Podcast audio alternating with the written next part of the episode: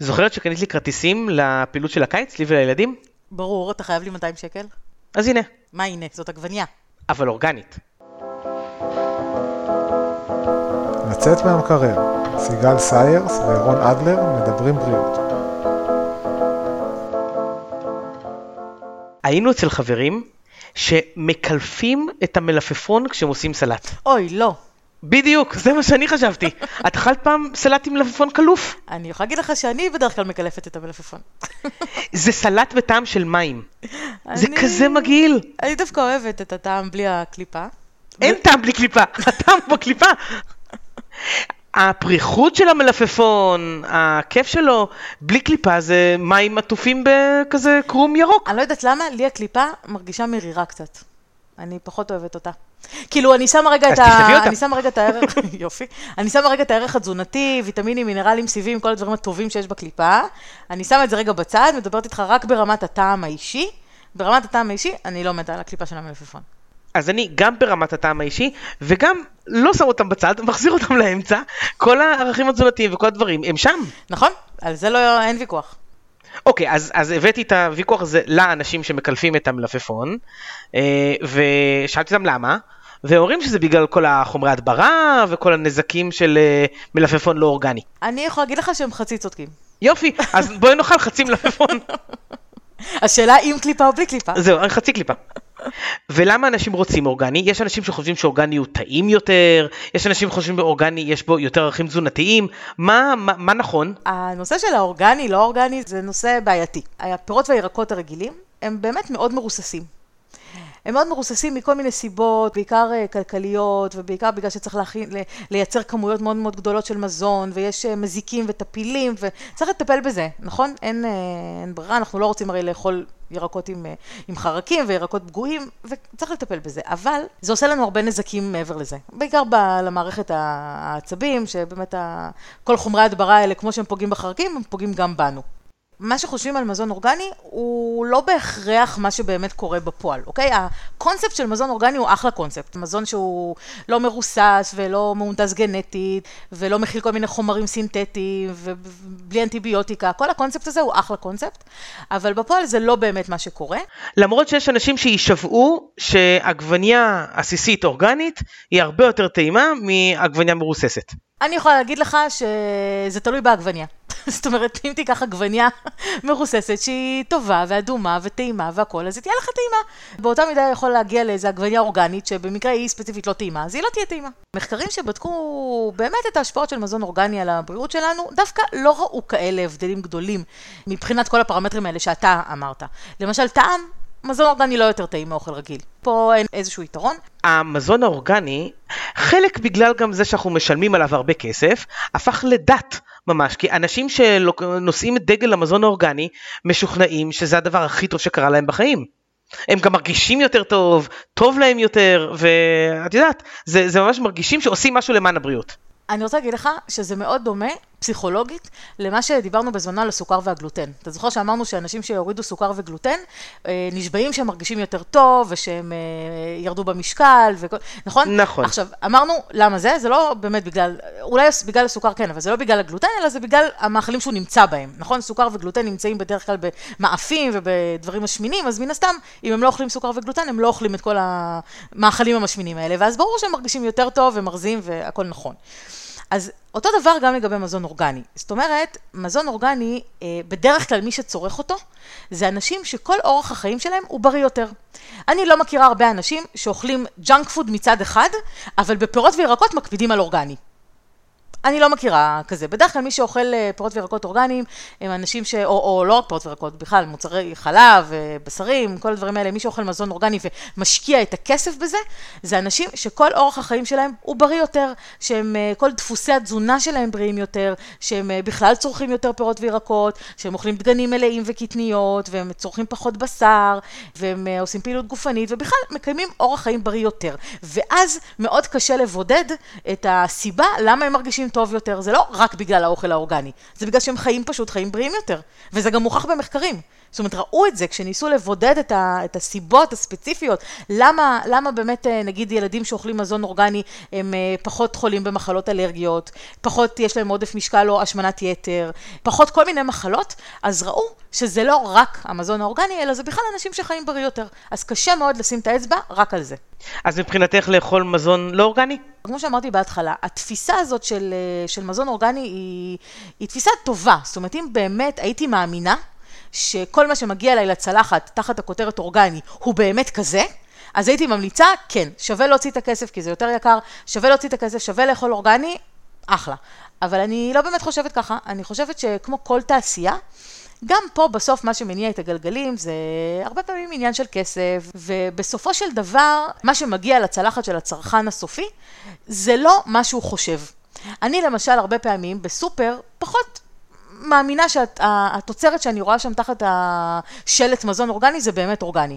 אני לא, לא, לא תמיד קונה את זה. אז מה את אומרת, הם משקרים? אני לא רוצה להגיד את זה, אבל אני חושבת שבסופו של דבר, בגלל שאנחנו לא יודעים שאנחנו קונים תוצרת שהיא במשקל, מה שנקרא, והיא לא ארוזה, והיא לא מפוקחת בצורה מאוד מאוד אה, אה, ברורה ו- ו- והדוקה, אז אה, מאוד קשה לדעת. אתה יודע להבחין אם עגבנייה היא אורגנית או לא? לא.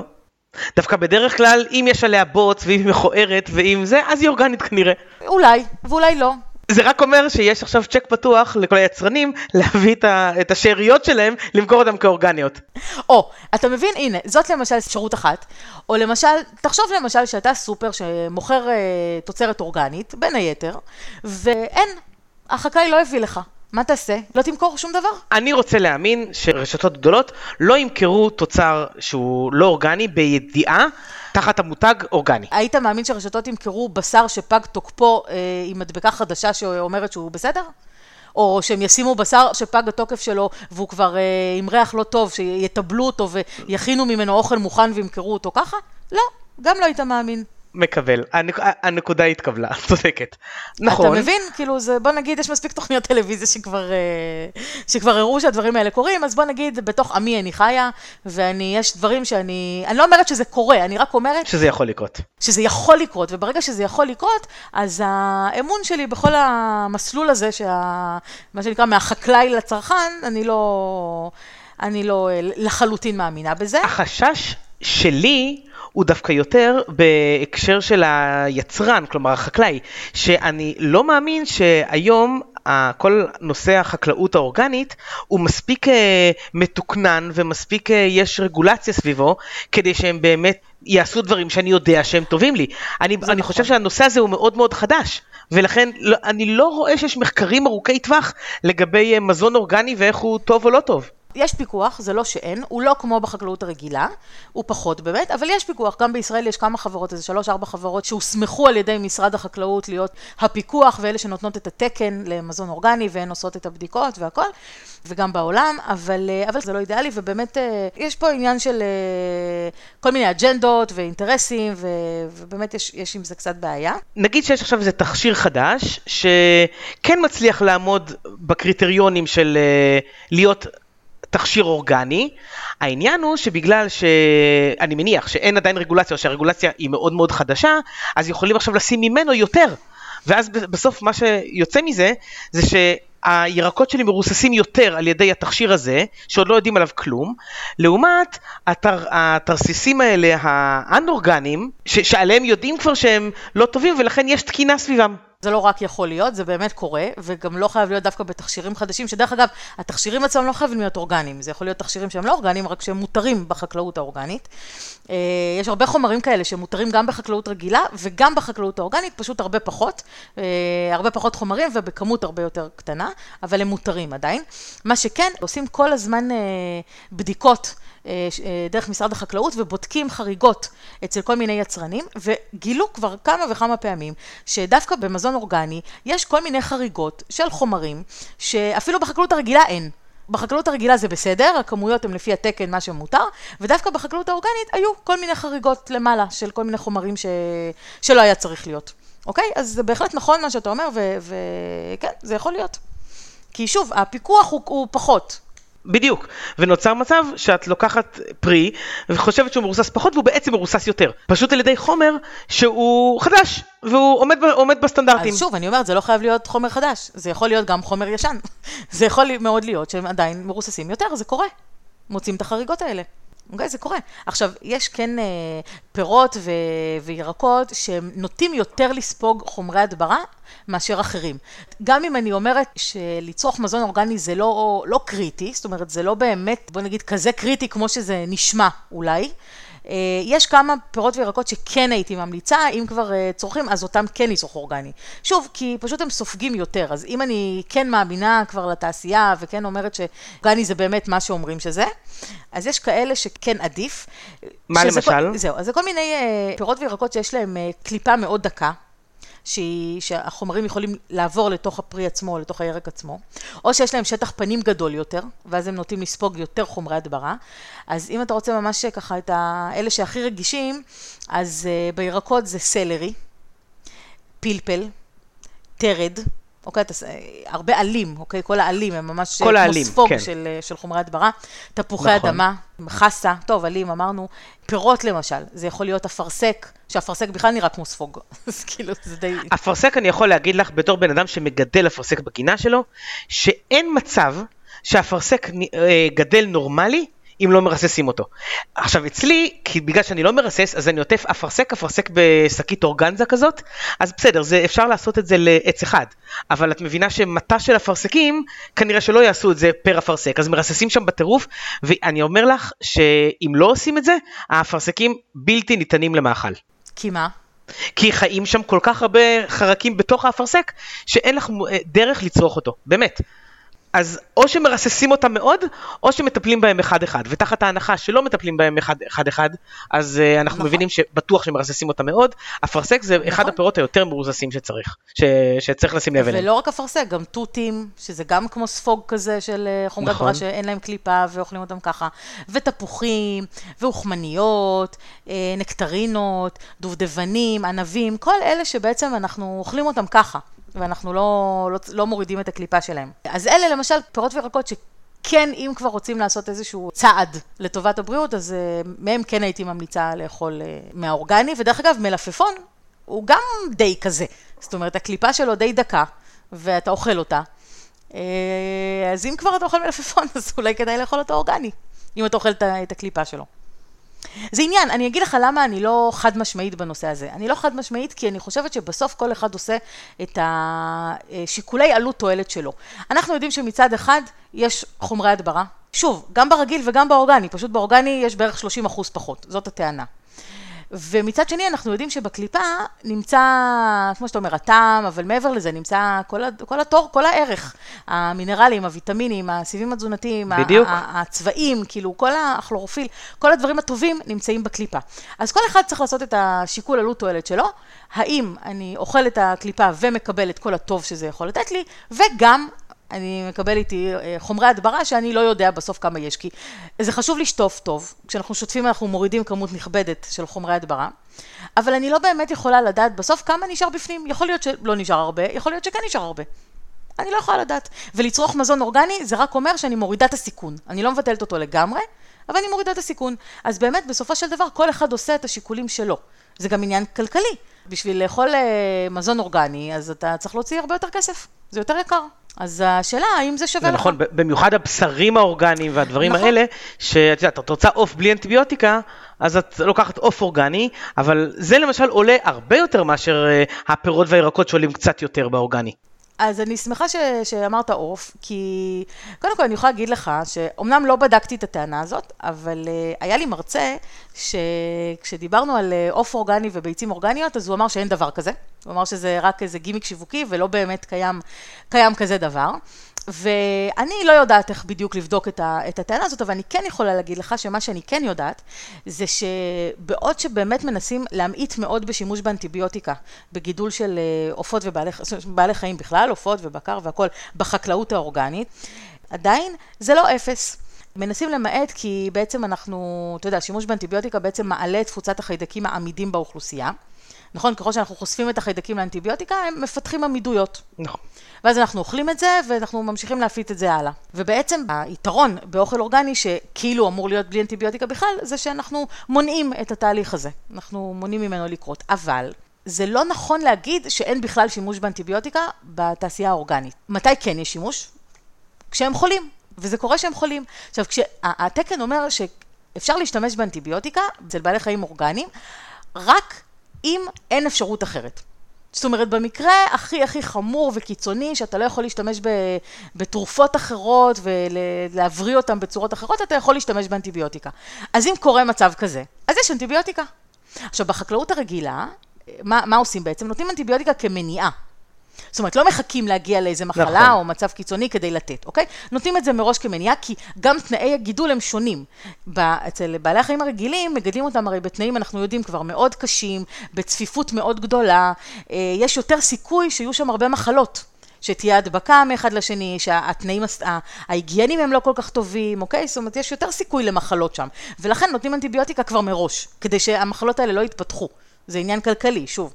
בחקלאות האור, האורגנית אה, לא מגיעים למצבים האלה כי מראש מגדלים שם את בעלי החיים בתנאים יותר טובים, יש פחות בעלי חיים ליחידת שטח. אוקיי, אנחנו לפעמים קוראים לזה אה, חופש, נכון? תרנגולות חופש, או כל נכון. מיני... אה, נכון? אז כזה. אז, אז בעצם הם גדלים אה, בצורה שהיא לא גורמת להם להיות חולים בתדירות כזאת, ולכן צריך פחות אנטיביוטיקה. זאת אומרת, זה חלק מה, מאיך שמזון אורגני גדל. זה נכון שבבעלי חיים, שאנחנו מגדלים אותם לצריכה אורגנית, אז יש פחות אנטיביוטיקה, אבל זה לא נכון להגיד שאין בכלל. אוקיי? אז זה גם משהו ש... עוד איזה מיתוס כזה שאני... שכן הייתי רוצה לשבור. זה לא רק אנטיביוטיקה, זה גם הורמונים שאומרים שמזיקים ו... ו... וילדים מתפתחים מינית מוקדם מדי. יש הרבה בעיות ב... בשיטת הגידול הזאת של הבשר. נכון, הקטע של ההורמונים זה באמת... אה... זה, זה, זה, העניין הוא שפשוט בחקלאות הרגילה מנסים שה, שתהיה יותר תוצרת, אוקיי? ולכן מנסים שכל הזמן, נגיד פרות יהיו כל הזמן במצב של רבייה.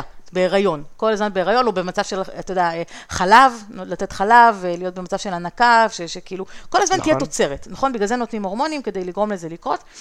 ושוב, ב... וזה מזין את עצמו, כי בגלל שהן כל הזמן ככה, אז הן מתפתחות דלקות, ואז אנטיביוטיקה, וכל האירוע הזה בדיוק. מזין את עצמו כל הזמן. בדיוק, נכון.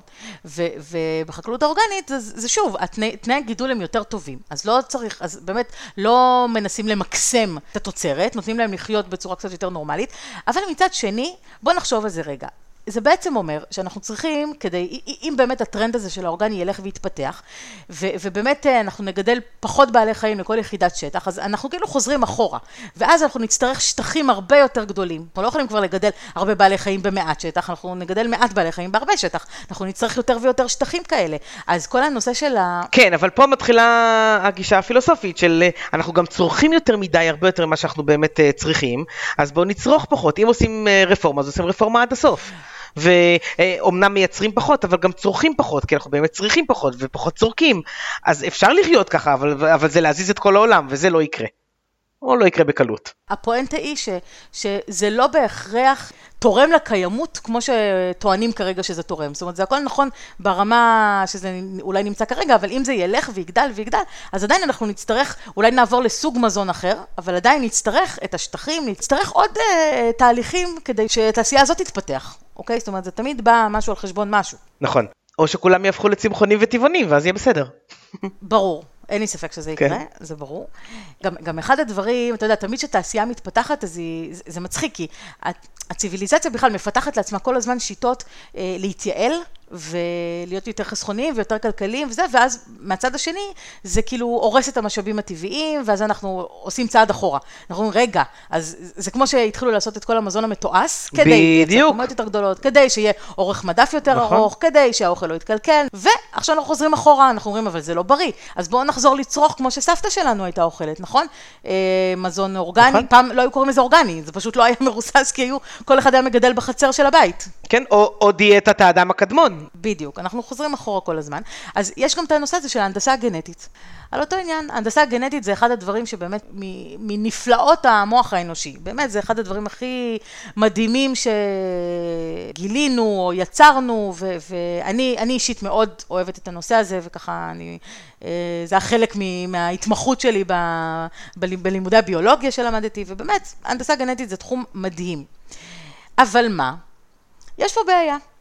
הרי כל הזמן אנחנו אומרים שאחת הסיבות לצרוך מזון אורגני זה שהוא לא מהונדס גנטית.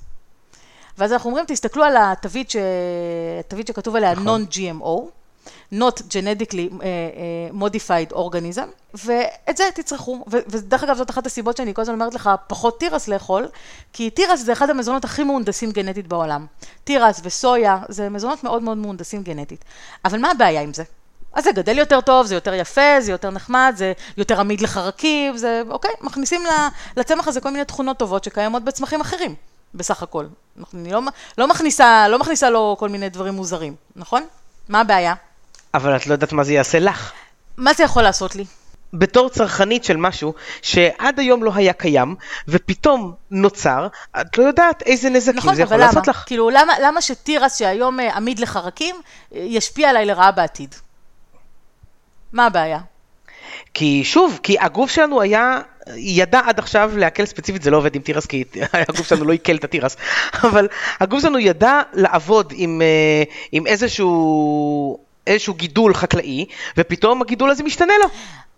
ולכן, זה כבר לא אותו דבר, ולכן יכולים להיות נזקים. להגיד לך איזה, אני לא יודע, בשביל זה את פה, אבל, אבל איזה שהם נזקים נשמע לי שיהיו. אני אגיד לך מה הבעיה. מה אנחנו עושים בהנדסה גנטית? אנחנו לוקחים רצף מסוים של DNA, שאותו אנחנו רוצים אה, בעצם לשים בצמח אחר, למשל עמידות לחרקים, למשל צבע, למשל, אה, לא יודעת, אה, תכולת מים, לא יודעת, איזשהו, איזשהו אה, גן נקרא לזה, שאנחנו רוצים שתהיה את התכונה הזאת לצמח מסוים שאנחנו רוצים אה, להשביח אותו. או אולי השבחה זאת לא מילה נכונה, כי יש גם השבחה גנטית, שזה משהו אחר, אבל צמח שאנחנו רוצים שהתכונות שלו יהיו יותר טובות מבחינתנו. אז אנחנו לוקחים את הרצף הזה, ואנחנו מכניסים אותו ל-DNA, או אולי לא ל-DNA ספציפית, אלא ל... יש חלקים מחוץ ל-DNA, כמו אפיזום זה נקרא, שאנחנו יכולים להכניס איזשהו רצף של DNA לגרעין של, ה... של התא של אותו צמח, וזה יתבטא שם. אבל כשאנחנו מכניסים אותו, אנחנו לא תמיד יודעים לאן אנחנו מכניסים אותו. יכול להיות שכשהכנסנו אותו פגענו במשהו אחר.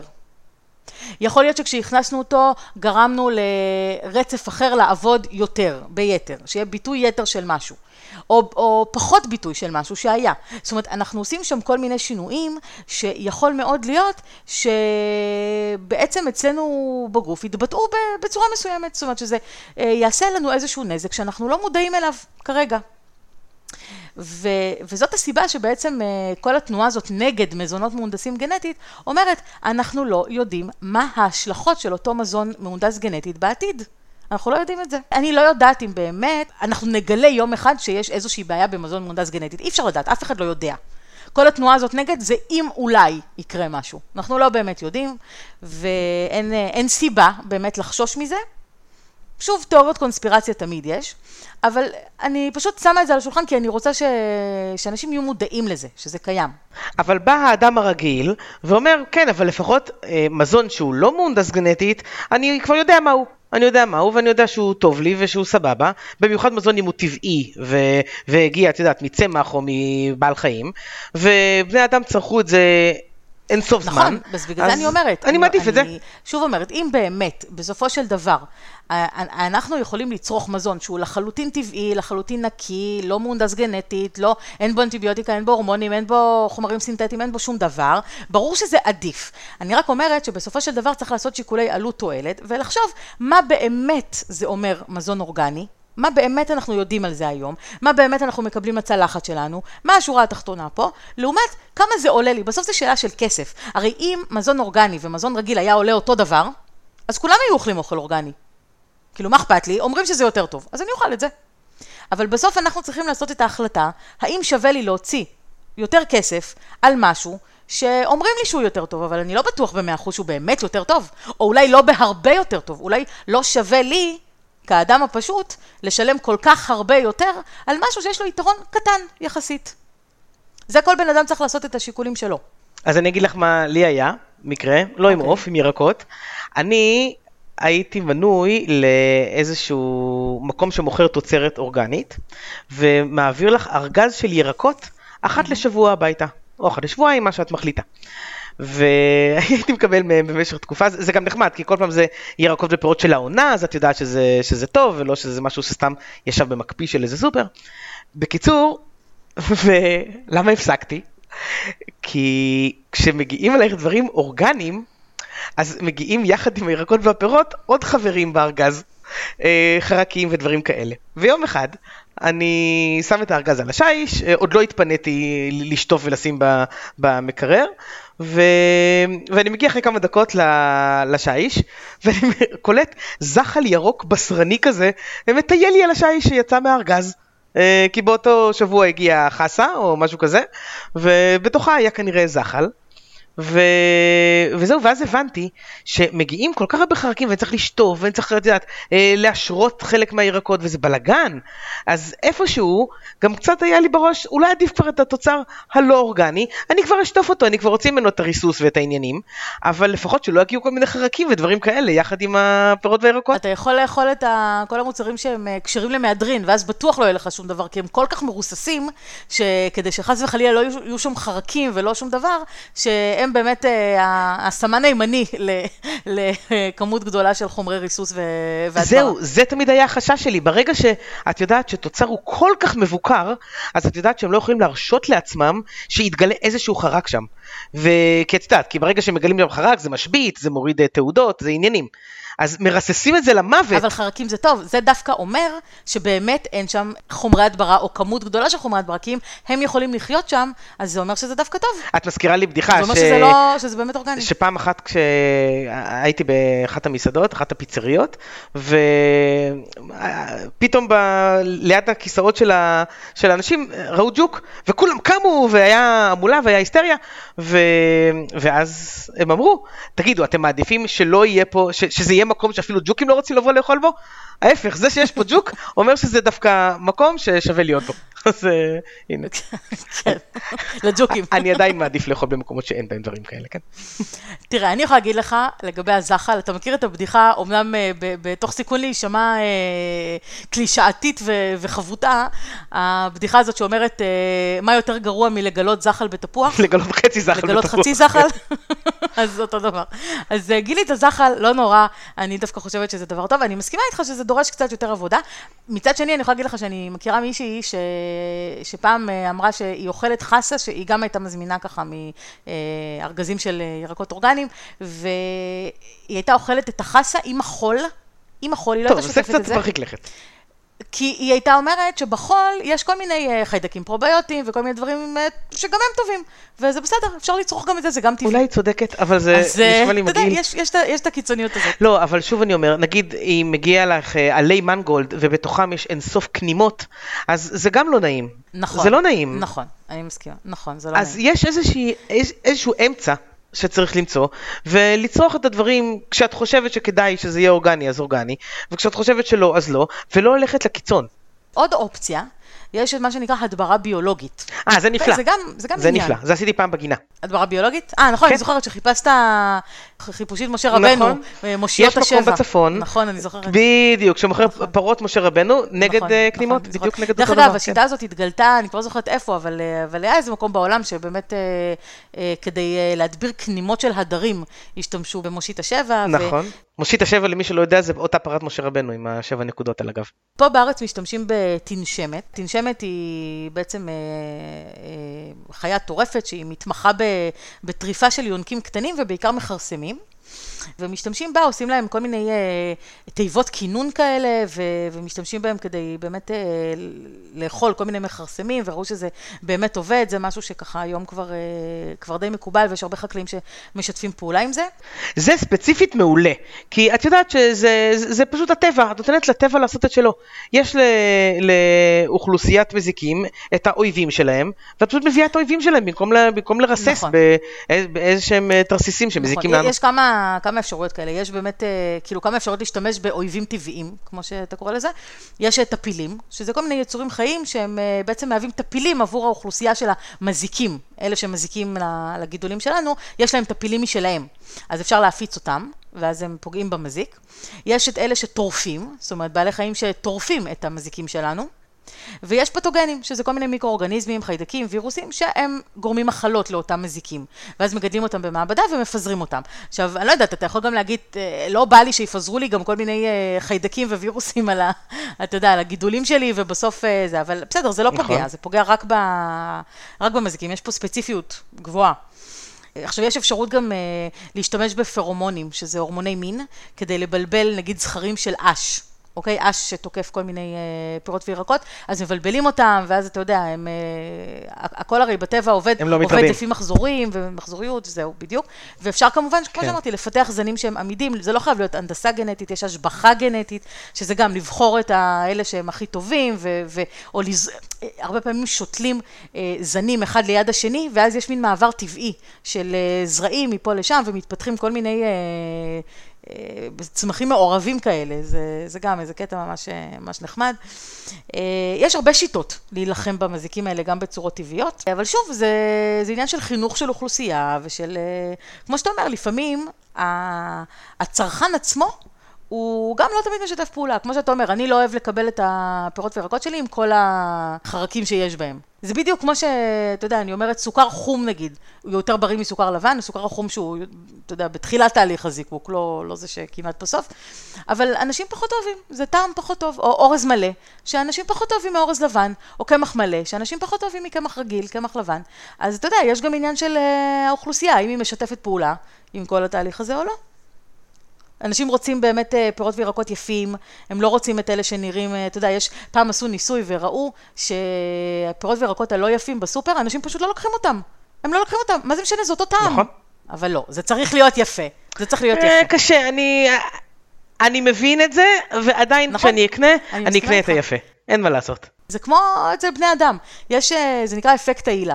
אם אתה רואה משהו שהוא, או מישהו שהוא יפה, אז אתה משליך עליו עוד תכונות טובות. אם העגבניה היא יפה ולא מצ'וקמקת, אז היא בטח גם טעימה יותר, והיא בריאה יותר, והיא, אה, אתה נכון, מבין? ו- נכון. אז כן, זה, אין מה לעשות. אז אה, כמו שאנחנו רואים פירות וירקות שהם עם, או עלים נגיד, עם חרקים ועם זה, אז מראש זה מגעיל אותנו. זה לא משנה לנו שזה אומר שזה יותר בריא מבחינת התוכן שלהם, שאין על, על זה ריסוס וחומרי הדברה, זה מגעיל אותנו. לראות את החרקים האלה. אז זה בעייתי. נכון. בקיצור, מהיום, אתה קונה אורגני? לא. זה בסדר? לא ניסיתי לשכנע אותך. אבל אני כן קונה עלים אורגניים. כלומר, כל העלים שאני, שאני צורך, אני משתדל אורגני, כן. זה 아, אה, כן. יפי. כי עלים באמת סופגים יותר מהאחרים, ואם צריך משהו אורגני, אז עדיף את זה. וגם זה אני יכול להגיד לך שאני לא קיצוני, כי אם יש, אה, אם יש בסופר אורגני אז אני קונה, ואם אין בסופר אורגני, אז אני קונה את הלא אורגני. והכי טוב, חלק אני מגדל בבית. אבל זה אני יודע אה, ש... זה... כן, זה אני מיחידי הסגולה שיכולים ו... ורוצים, אבל את יודעת, יש only so much מקום כדי לגדל את הדברים שאני רוצה, וגם זה עונתי מאוד. נכון, נכון. הלוואי שלי היה את הכוח שיש לך לדאוג ל... לכל הדברים האלה. אני הרבה פעמים מנסה לגדל, ופשוט אין לי כוח להתעסק עם זה, למרות שאני יודעת כמה שזה הרבה יותר טוב, הרבה יותר בריא, ואני מאוד אוהבת ש... שמשהו גדל, ונגיד, הייתה תקופה שגידלתי נאנה, שזה בערך הדבר הכי קל לגדל, היא פשוט מגדלת את קל. עצמה. הכי קל. מה שקשה בנאנה זה לא לגדל אותה כבר. אחרי שאת כבר מגדלת אותה, אי אפשר להיפטר ממנה. זהו, ואפילו היא הפסיקה לגדול אצלי איזה יום אחד. אז אמרתי, טוב, אם הצלחתי לגרום לנאנה להפסיק לגדול, אז אני מרימה ידיים, עזבו אותי. לא, אני אגיד, האמת, אני אגיד לך מתי, מתי התייאשתי? כשגידלתי בזיליקום, ובזיליקום הרי כל פעם יוצאים לו פרחים, וצריך נכון, לגזום אותם, כדי אותם. שלא... נכון. זהו, כדי שלא כל המשאבים ילכו לפרח ולא לעלים, כי אנחנו נכון. רוצים הרי שהעלים יתפתחו ולא הפרחים. אבל מהרגע שהם יצאו והתחלתי לגזום אותם, אז כל יום יוצאים פרחים חדשים. נכון. כאילו צריך כל יום להתעסק עם זה. איפה יש לי זמן להתעסק עם זה כל יום? לא, אבל זה, זה, זה שווה את זה, כי אין תחליף ללהכין ספגטי בולונז בבית, נכון. ובתום הבישול לשים עלי בזיליקום אה, חוטיים כזה על התבשיל, ואין לזה תחליף. ועגבנות שרי, ודברים שקל לגדל, את יודעת, זה כיף. נכון, אני יכולה להגיד לך שיש לי מתכון לרוטב פסטו ביתי, מעלי בזיליקום שגידלתי, שעוד עוד בזמן ש, שגידלתי. מעולה, מעולה, מעולה. אני אשים אותו באתר שלי ובעמוד פייסבוק שלי, מי שרוצה מתכון לראות פסטו מדהים, ואתם מוזמנים uh, להסתכל שם. אני כן רוצה להגיד עוד משהו בשורה התחתונה, כי דיברנו הרבה על אורגני, ואם זה בריא ולא בריא וזה, אני רוצה כן להגיד משהו. כל הקטע של האורגני הוא קצת מסיט את העניין מה... מהעניין שיותר חשוב, שזה בכלל איך אנחנו חיים אורח חיים בריא. כי השאלה היא לא אם אנחנו אוכלים אורגני או לא אורגני. לפני האורגני יש הרבה, מש, הרבה שאנחנו יכולים לעשות כדי לשפר את הבריאות שלנו, שזה באמת לצרוך הרבה פירות וירקות, גם אם הם לא אורגניים, לא לאכול את הג'אנק פוד, אני אומרת את זה כל פרק, אז אני אמשיך בכיוון הזה ואני אגיד את זה גם בפרק הזה, ולא לאכול את כל המזון המתועש שמכיל כמויות גדולות של סוכר ושמנים ושומנים וכל מיני אה, צבעים וחומרי טעם וריח ומלח ובאמת כל הדברים שאני כל הזמן מדברת עליהם, פשוט לא לאכול את הדברים האלה, זה ישפר את הבריאות שלנו בצורה הרבה הרבה יותר משמעותית. מאשר המעבר בין מזון רגיל למזון אורגני. המזון אורגני צריך להיות כאילו באמת כבר אחרי שעשיתם את כל הדברים הבריאים שאתם יכולים לעשות, עכשיו תעברו לאורגני, סבבה. אבל לפני זה יש עוד המון המון המון אה, דברים שאפשר בשביל לשפר את הפרופיל הבריאותי של, שלנו, שלנו כאוכלוסייה. אז אה, זה ככה, אם, אם כבר לצאת עם איזשהו מסר מהפרק הזה, זה זה. מסכים לגמרי. אז לשבוע הבא אני מביא לך חופן של עלי בזיליקום. אוי, פספסתי, פספסתי. נכון, ואת מכינה לי פסטו לשבועיים שאני אוכל להכין ממנו כריכים אה, שווים ממש. אני רציתי לבקש ממך לי סלט. אבוד. אז אה, נתראה שבוע הבא, זה היה פודקאסט אוקיי. הגינון שלנו לשבוע הזה. יאללה ביי. ביי. אין באמור בפרק משום ייעוץ או המלצה רפואית כלשהם, והמידע אינו בא להחליף בדיקה וייעוץ אישי על ידי רופא, מטפל מוסמך או טיפול תרופתי.